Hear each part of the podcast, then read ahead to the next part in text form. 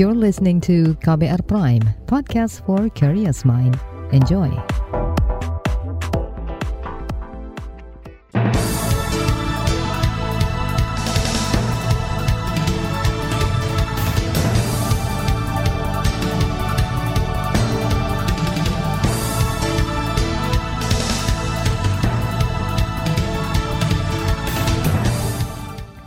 Selamat pagi saudara, senang sekali bisa menjumpai Anda kembali melalui program Buletin Pagi edisi Senin 13 Juni 2022. Saya Malika, sejumlah informasi pilihan telah kami siapkan.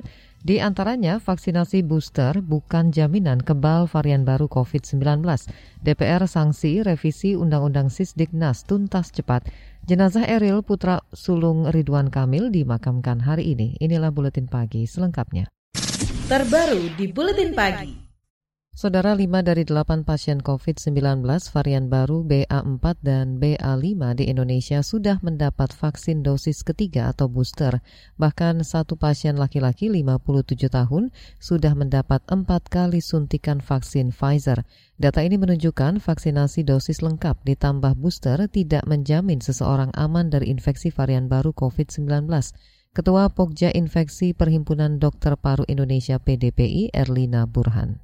Ya dan uh, yang kasus terakhir tidak bergejala tiga kali divaksin. Jadi ini memperlihatkan juga bahwa vaksinasi tidak mencegah kita 100% untuk tidak tertular, tapi minimal yang kita lihat dari kondisi klinisnya adalah uh, pasien tidak bergejala atau ringan. Jadi memang sekali lagi vaksin membuktikan kepada kita bahwa bila mana kita divaksin maka itu mencegah kalaupun tertular penyakitnya ringan-ringan saja atau tidak menjadi berat atau juga mencegah uh, hospitalization atau mencegah perawatan. Ketua Pokja Infeksi PDIP Erlina Burhan menambahkan varian baru B4 dan BA5 merupakan turunan dari Omikron hingga kini belum ada indikasi mutasi terbaru tersebut memperparah kondisi pasien dibanding varian sebelumnya. Meski demikian, Erlina meminta semua pihak jangan meremehkan penularan mutasi baru. Bekas Kepala Lembaga Biologi Molekuler Eichmann, Amin Subantrio menekankan sifat umum varian baru COVID-19 adalah cepat menular. Hasil mutasi tersebut bisa berkelit dari imunitas yang dihasilkan vaksin COVID-19. Tapi sekali lagi pada umumnya sebagian besar itu uh, menunjukkan gejala ringan dan bahkan uh, tidak bergejala ya. Jadi di satu sisi memang itu mudah kan, tetapi karena dia tidak bergejala, Nah, itu akan menyebabkan penyebarannya akan lebih lebih luas karena justru mereka yang tidak bergejala itu bisa tanpa disadari bisa membawa virus ke orang lain atau ke tempat lain ya.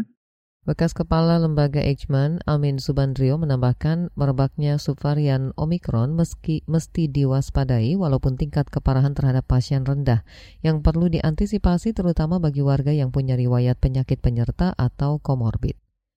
Pemerintah diminta sigap melakukan mitigasi guna mencegah penularan subvarian baru Omikron. Potensi gelombang baru sangat mungkin terjadi jika aturan protokol kesehatan tak kunjung diperketat. Berikut pernyataan epidemiolog dari Universitas Griffith Australia Diki Budiman.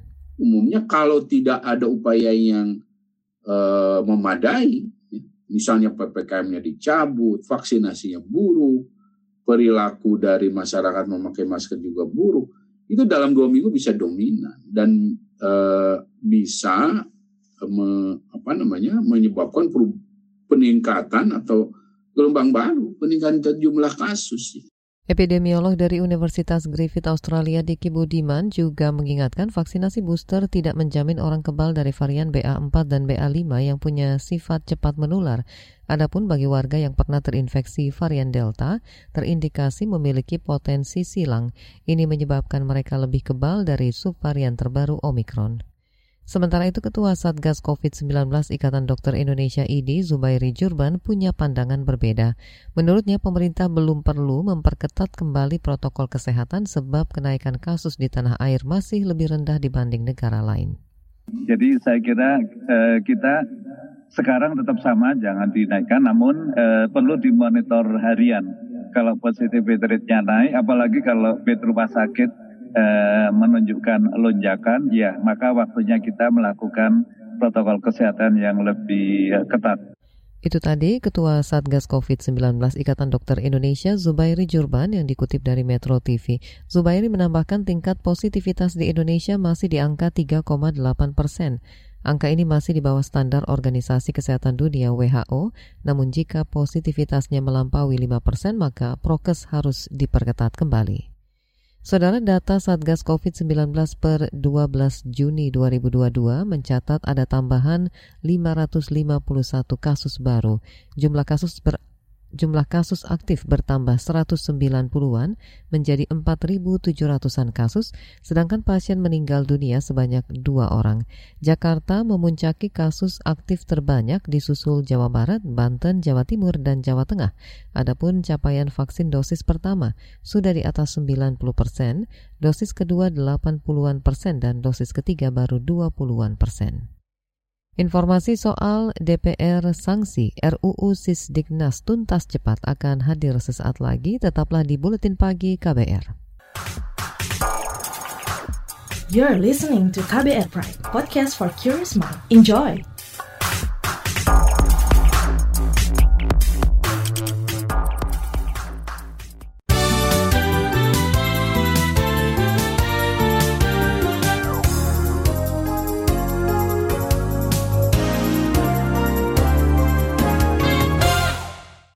Pemilu 2024 mestinya diwarnai proses politik yang sehat dan bermanfaat. Rektor Universitas Paramadina Didik Rahbini menyoroti ruang publik yang didominasi para pendengung atau buzzer. Menurutnya perlu dibangun norma-norma untuk mencegah dampak buruk kontestasi, politik. Dan memang belum ada norma ya, sehingga diperlukan norma ya kalau dibiarkan begini itu rusak, makin lama makin rusak. Itulah yang disebut tragedy of the common. Ya.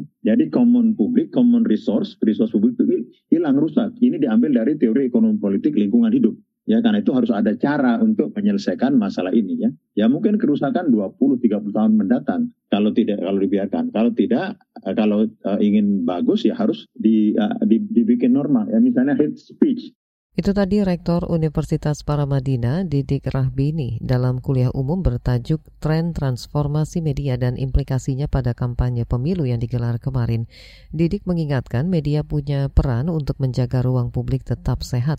Saudara besok Komisi Pemilihan Umum akan menggelar acara peluncuran tahapan awal pemilu 2024 Presiden Joko Widodo, pimpinan lembaga negara dan partai politik direncanakan turut hadir.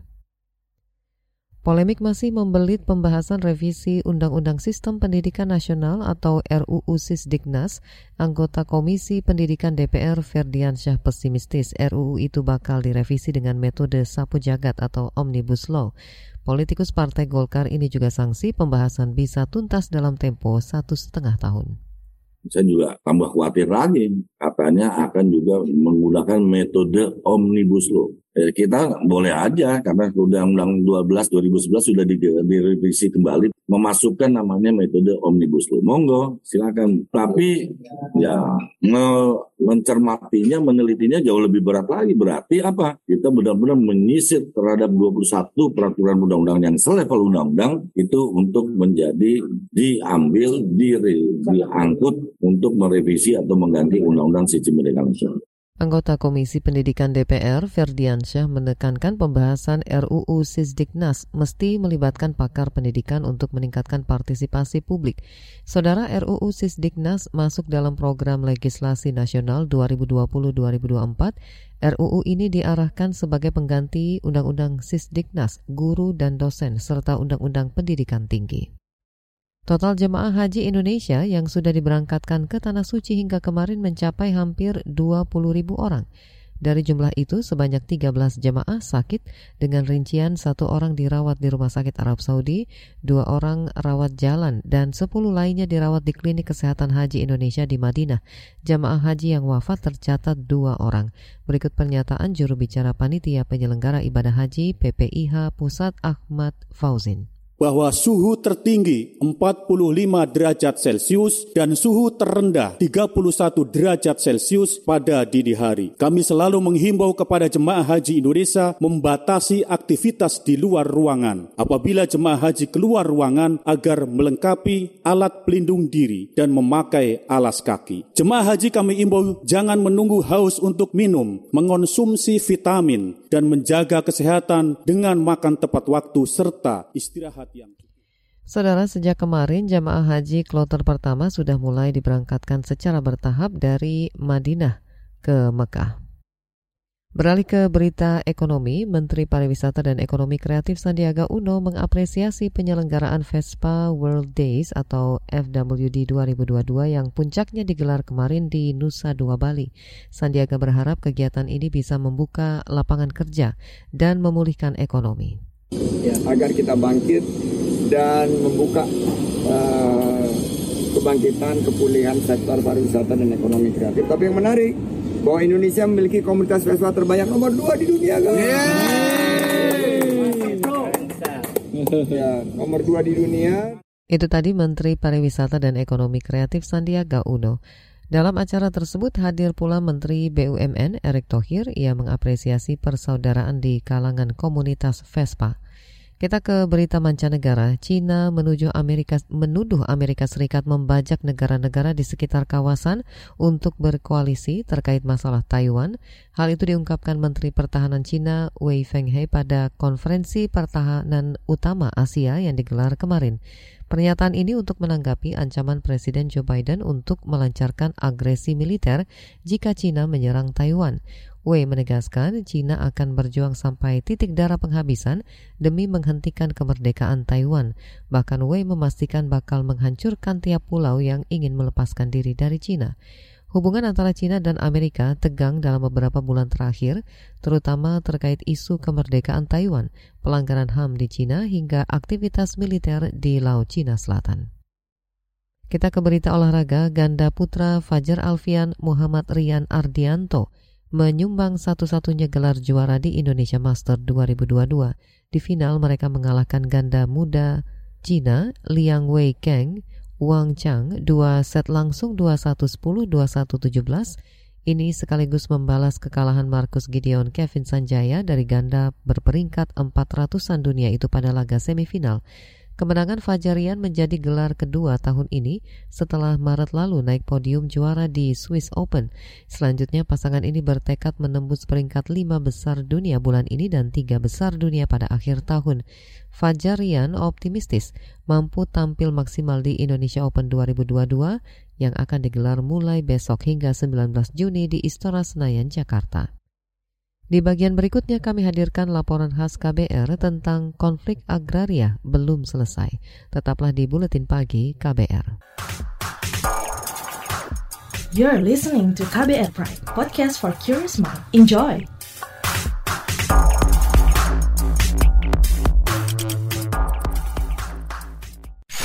Commercial break.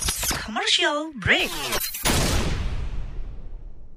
Ada kesedihan, air mata, dan trauma. Namun ada juga gelak tawa, bahagia, dan rasa bangga. Cerita kehidupan manusia adalah perjuangan dan pembelajaran.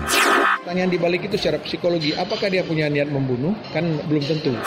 Saya kaget ketika ada konflik sesama orang Madura sendiri mengatasnamakan aliran keagamaan. Sejak itu, warga Syiah harus mengungsi sampai sekarang. Untuk kehidupan saya pada waktu itu aja nggak menentu kan. Boro-boro mikirin untuk perpustakaan gitu.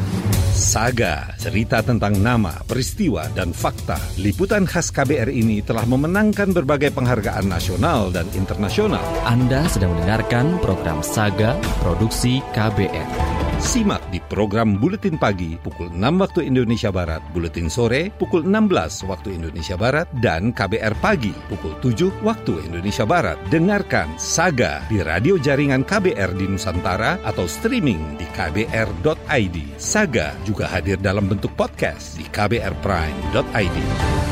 KBR Inspiratif Terpercaya.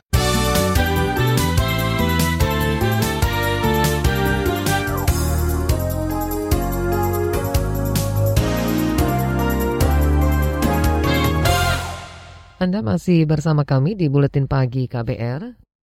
Konflik lahan terus muncul di berbagai daerah, faktornya beragam antara lain karena tumpang tindih kepemilikan, keberadaan tambang hingga penyerobotan lahan. Ada yang tuntas, namun banyak juga sengketa lahan yang masih belum selesai bahkan menimbulkan korban, baik harta maupun nyawa. Selengkapnya simak laporan khas KBR yang disusun jurnalis Sindu Darmawan. Presiden Joko Widodo mengaku kerap menerima keluhan masyarakat terkait masalah sengketa tanah. Keluhan warga itu sering dia terima saat berkunjung ke berbagai wilayah. Jokowi mengklaim salah satu faktor penyebab konflik lahan karena warga tidak memiliki sertifikat tanah. Ini disampaikan Jokowi saat penyerahan sertifikat tanah kepada warga penerima di Kabupaten Dairi, Sumatera Utara beberapa waktu lalu. Jokowi menyebut Sumatera Utara merupakan salah satu daerah dengan angka sengketa tanah yang cukup banyak. Jokowi mengakui penyelesaian konflik agraria membutuhkan waktu tidak sebentar. Namun dia memastikan sertifikat yang diberikan pemerintah akan menjamin kepastian hukum dari kepemilikan tanah milik warga. Karena setiap saya ke desa, setiap saya ke daerah, yang masuk ke telinga saya itu sengketa antara warga dengan warga, sengketa antara warga dengan pemerintah, warga dengan BUMN, warga dengan perusahaan swasta. Karena nggak pegang ini, Sejumlah upaya dilakukan pemerintah untuk menuntaskan konflik agraria, salah satunya melalui program reforma agraria. Pemerintah mengklaim reforma agraria bukan hanya ditujukan untuk mengurangi ketimpangan penguasaan, kepemilikan, penggunaan dan pemanfaatan tanah, namun juga meningkatkan kesejahteraan masyarakat. Belum lama ini, pemerintah juga akan menerbitkan peraturan pemerintah dan membentuk tim khusus untuk menangani kasus di bidang pertanahan. Hal itu disampaikan Menteri Koordinator Bidang Politik Hukum dan Keamanan Menko Polhukam Mahfud MD usai rapat lintas kementerian lembaga di kantornya pekan lalu. Rapat itu membahas vonis-vonis berkekuatan hukum tetap di bidang pertanahan yang harus dieksekusi oleh negara. Karena ini menyangkut masalah hukum yang rumit, di situ ada mungkin persoalan administrasi, ada persoalan mafia tanah, ada persoalan apa namanya tumpang tindih putusan dan sebagainya. Tadi diputuskan ini akan diselesaikan sebagai kewajiban negara dan untuk itu kami sementara memutuskan akan membentuk raturan pemerintah untuk melakukan assessment dan melakukan langkah-langkah lanjut disertai pembentukan tim. Menko Polhukam Mahfud MD menjelaskan Tim yang dibentuk akan melakukan penilaian kasus-kasus hukum di bidang pertanahan. Mahfud juga mendorong tim-tim mafia tanah di Kejaksaan Agung, Polri, dan kantor staf presiden untuk terus menyelesaikan kasus-kasus yang sedang diusut. Pusat Studi dan Dokumentasi Agraria Sajogyo Institute menyebut permasalahan dan konflik agraria yang masih terjadi di lapangan mayoritas disebabkan oleh dorongan pembangunan infrastruktur skala besar dan timpangnya penguasaan lahan. Peneliti Sajogyo Institute Ahmad Jaitullah.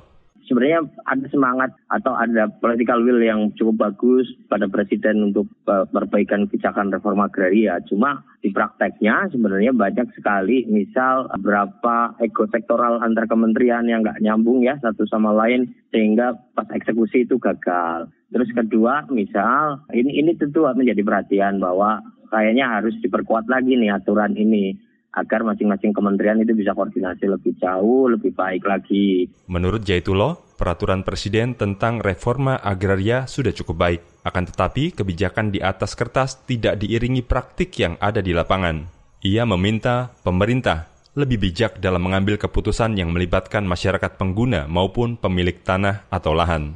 Berdasarkan catatan Ombudsman, konflik agraria menjadi pelanggaran yang paling banyak dilaporkan oleh masyarakat sejak 2018. Hal itu disampaikan anggota Ombudsman Dadan S. Suharmawijaya dalam penyampaian hasil kajian sistemik Ombudsman RI terkait implementasi reforma agraria dalam menyelesaikan konflik agraria dan redistribusi tanah pada pekan ini konflik agraria ya dan uh, tanah objek reforma agraria ini yang menjadi permasalahan ya di antaranya uh, isu Ya, ini berkaitan dengan penyelesaian layanan pertanahan melalui Tora ini erat kaitannya dengan permasalahan konflik masyarakat yang memang apa namanya lama ya, menjadi persoalan-persoalan lama di sini ya. Nah, jadi ada penguasaan lahan yang menyangkut khususnya kawasan perkebunan, kehutanan itu sering uh, menjadi uh, konflik juga.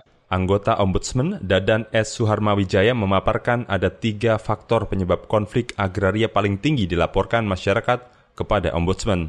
Salah satunya ialah masyarakat yang mengadu ke ombudsman karena merasa ada sesuatu yang hilang dari kepemilikannya. Berdasarkan laporan dari Konsorsium Pembaruan Agraria KPA, konflik agraria yang terjadi selama lima tahun kepemimpinan Presiden Jokowi pada 2015 hingga 2020 mencapai lebih dari 2.200 kasus yang tersebar di seluruh Indonesia. Dalam periode tersebut, sektor perkebunan menjadi penyumbang konflik tertinggi, yaitu 850-an kasus. Demikian laporan khas KBR yang disusun dan dibacakan Sindu Darmawan. You're listening to KBR Pride, podcast for curious mind. Enjoy!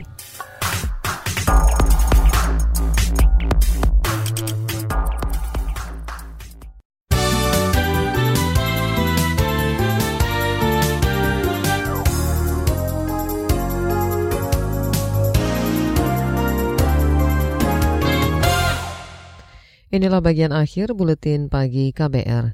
Saudara putra sulung Ridwan Kamil, Emiril Khan Mumtaz atau Eril bakal dimakamkan pukul 11 waktu Indonesia Barat di lahan Islamic Center Cimaung, Kabupaten Bandung. Jenazah Eril tadi malam disemayamkan di ruang kenegaraan rumah dinas Gubernur Jawa Barat di Gedung Pakuan, Bandung. Kakak kandung Ridwan Kamil, Erwin Maniruzaman menjelaskan jenazah akan dimakam, diberangkatkan ke lokasi pemakaman pukul 9 pagi nanti.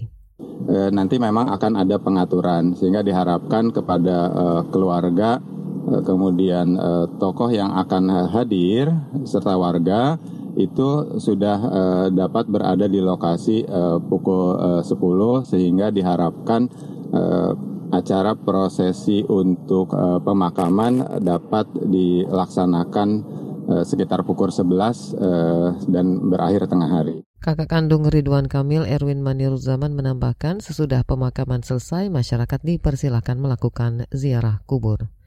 Kita ke Rembang, Jawa Tengah, dana bagi hasil cukai hasil tembakau diminta dimanfaatkan untuk pemberdayaan difabel. Informasi selengkapnya bersama reporter radio jaringan Musyafa dari Radio R2B Rembang. Kalangan penyandang disabilitas di Kabupaten Rembang, Jawa Tengah mendesak dana bagi hasil cukai hasil tembakau atau DBHCAT bisa untuk pemberdayaan kaum difabel. Saswati Ningrum, seorang penyandang disabilitas menganggap selama ini upaya pelatihan maupun pendampingan kaum difabel dari sumber anggaran tersebut belum pernah ada. Apakah selama ini program DBHCHT sudah menyasar komunitas atau teman-teman kami dari disabilitas Rembang? Karena mohon maaf, setahu saya belum. Saswati Ningrum, penyandang disabilitas di Rembang. Bupati Rembang Abdul Hafid membeberkan penggunaan dana bagi hasil cukai hasil tembakau sudah diatur oleh pemerintah dan setiap tahun komposisi pemakaiannya berbeda-beda. Apakah bisa untuk membantu penyandang disabilitas? Hafid menyebut tidak terperinci seperti itu. Sehingga kami pun tidak bisa kemudian menentukan ini untuk disabilitas, tetapi untuk uh, pembinaan sosial. Tahun ini Kabupaten Rembang mendapatkan alokasi DBHCAT sebesar 29 miliar rupiah. Musyafa R2B Rembang melaporkan untuk KBR. Bergeser ke Bali, Pesta Kesenian Bali ke-44 adalah momentum penting kebangkitan ekonomi dan pariwisata Bali. Menteri Dalam Negeri Tito Karnavian menuturkan, dua tahun terakhir adalah masa yang berat untuk Bali karena pariwisata menjadi sektor paling terpuruk akibat pandemi COVID-19. Pesta Kesenian Bali yang ke-24 tahun 2022 ini merupakan monumen penting untuk kembalinya ekonomi dan pariwisata Bali. Kita tahu bahwa Bali kaya dengan seninya bertahan lama. Acara pesta kesenian inilah yang ke-44, empat dasa warsa, menghasilkan kelestarian budaya, para seniman bahkan menjadi maestro yang bukan hanya bermain di tingkat lokal, nasional, bahkan maestro internasional. Mendagri Tito Karnavian juga menyampaikan apresiasi kepada Pemprov Bali yang berhasil mengendalikan penularan COVID-19. Bali harus menjadi contoh provinsi lain karena capaian vaksinasi booster sudah hampir 70 persen. Saudara informasi tadi menutup jumpa kita di Buletin Pagi hari ini. Pantau juga informasi terbaru melalui kabar baru, situs kbr.id, Twitter kami di akun @beritaKBR, serta podcast di alamat kbrprime.id. Saya Malika bersama tim yang bertugas undur diri. Salam.